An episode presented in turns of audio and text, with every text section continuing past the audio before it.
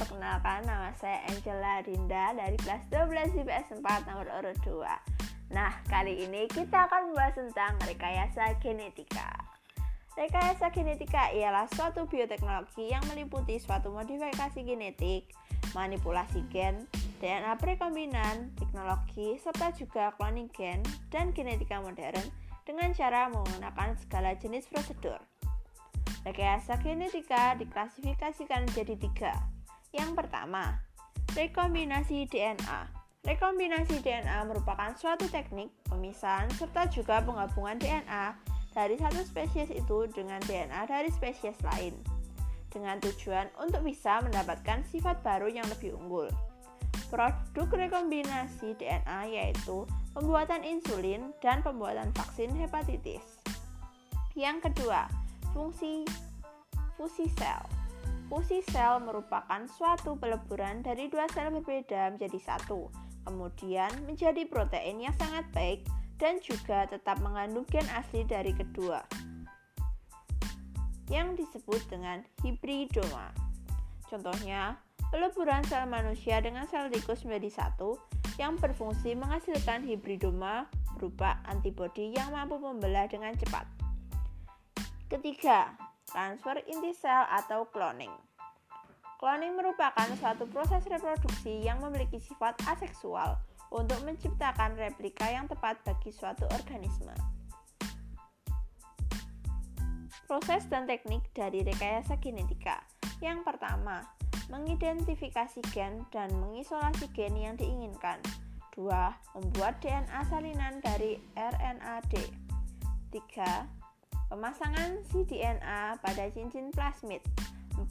Penyisipan DNA rekombinan ke dalam tubuh atau sel bakteri. 5. Membuat rekombinan klon bakteri yang mengandung DNA dan 6. Permanenan produk. Nah, dalam proses rekayasa genetika ini ada beberapa prinsip yang diterapkan. Yang pertama, cloning gen merupakan tahapan awal dari rekayasa genetika.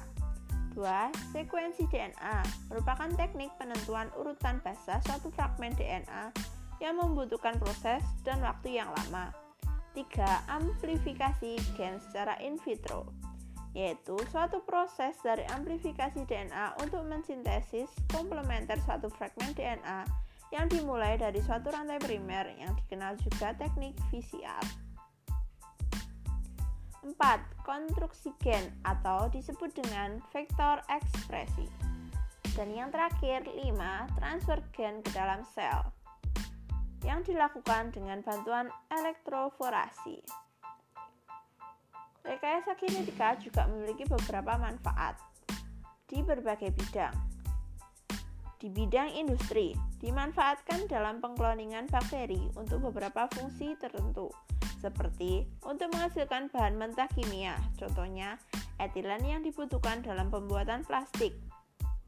Di bidang farmasi, dimanfaatkan dalam usaha pembuatan protein yang sangat dibutuhkan untuk kesehatan. Di bidang kedokteran, dimanfaatkan di dalam pembuatan insulin, pembuatan vaksin terhadap virus, dan terapi gen. Di bidang peternakan, dimanfaatkan dalam upaya penyisipan gen ke dalam sel-sel hewan tertentu dengan menerapkan prinsip rekayasa genetika. Salah satu manfaatnya ialah menghasilkan vaksin yang dapat mencegah mencret ganas pada babi. Di bidang pertanian, dimanfaatkan di dalam upaya penyisipan gen ke dalam sel-sel terhadap tumbuhan, sehingga akan memberikan banyak keuntungan, seperti menghasilkan tanaman yang mampu menangkap cahaya sendiri dengan lebih efektif guna meningkatkan efisiensi fotosintesis. Kini, rekayasa genetika juga memiliki beberapa dampak. Dampak positifnya 1.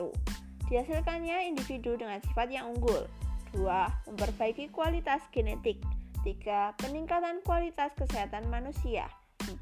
Peningkatan jumlah panen Dan dampak negatifnya 1. Adanya permasalahan etika 2. Berpotensi memunculkan alergi dan yang terakhir dapat mengganggu keseimbangan alam. Dengan demikian, rekayasa genetika merupakan suatu teknik yang digunakan untuk mengubah susunan genetik organisme yang bertujuan untuk menghasilkan individu dengan sifat yang unggul. Teknik ini banyak diaplikasikan di berbagai bidang di kehidupan, serta dapat memunculkan dampak positif dan negatif di setiap bidangnya. Terima kasih.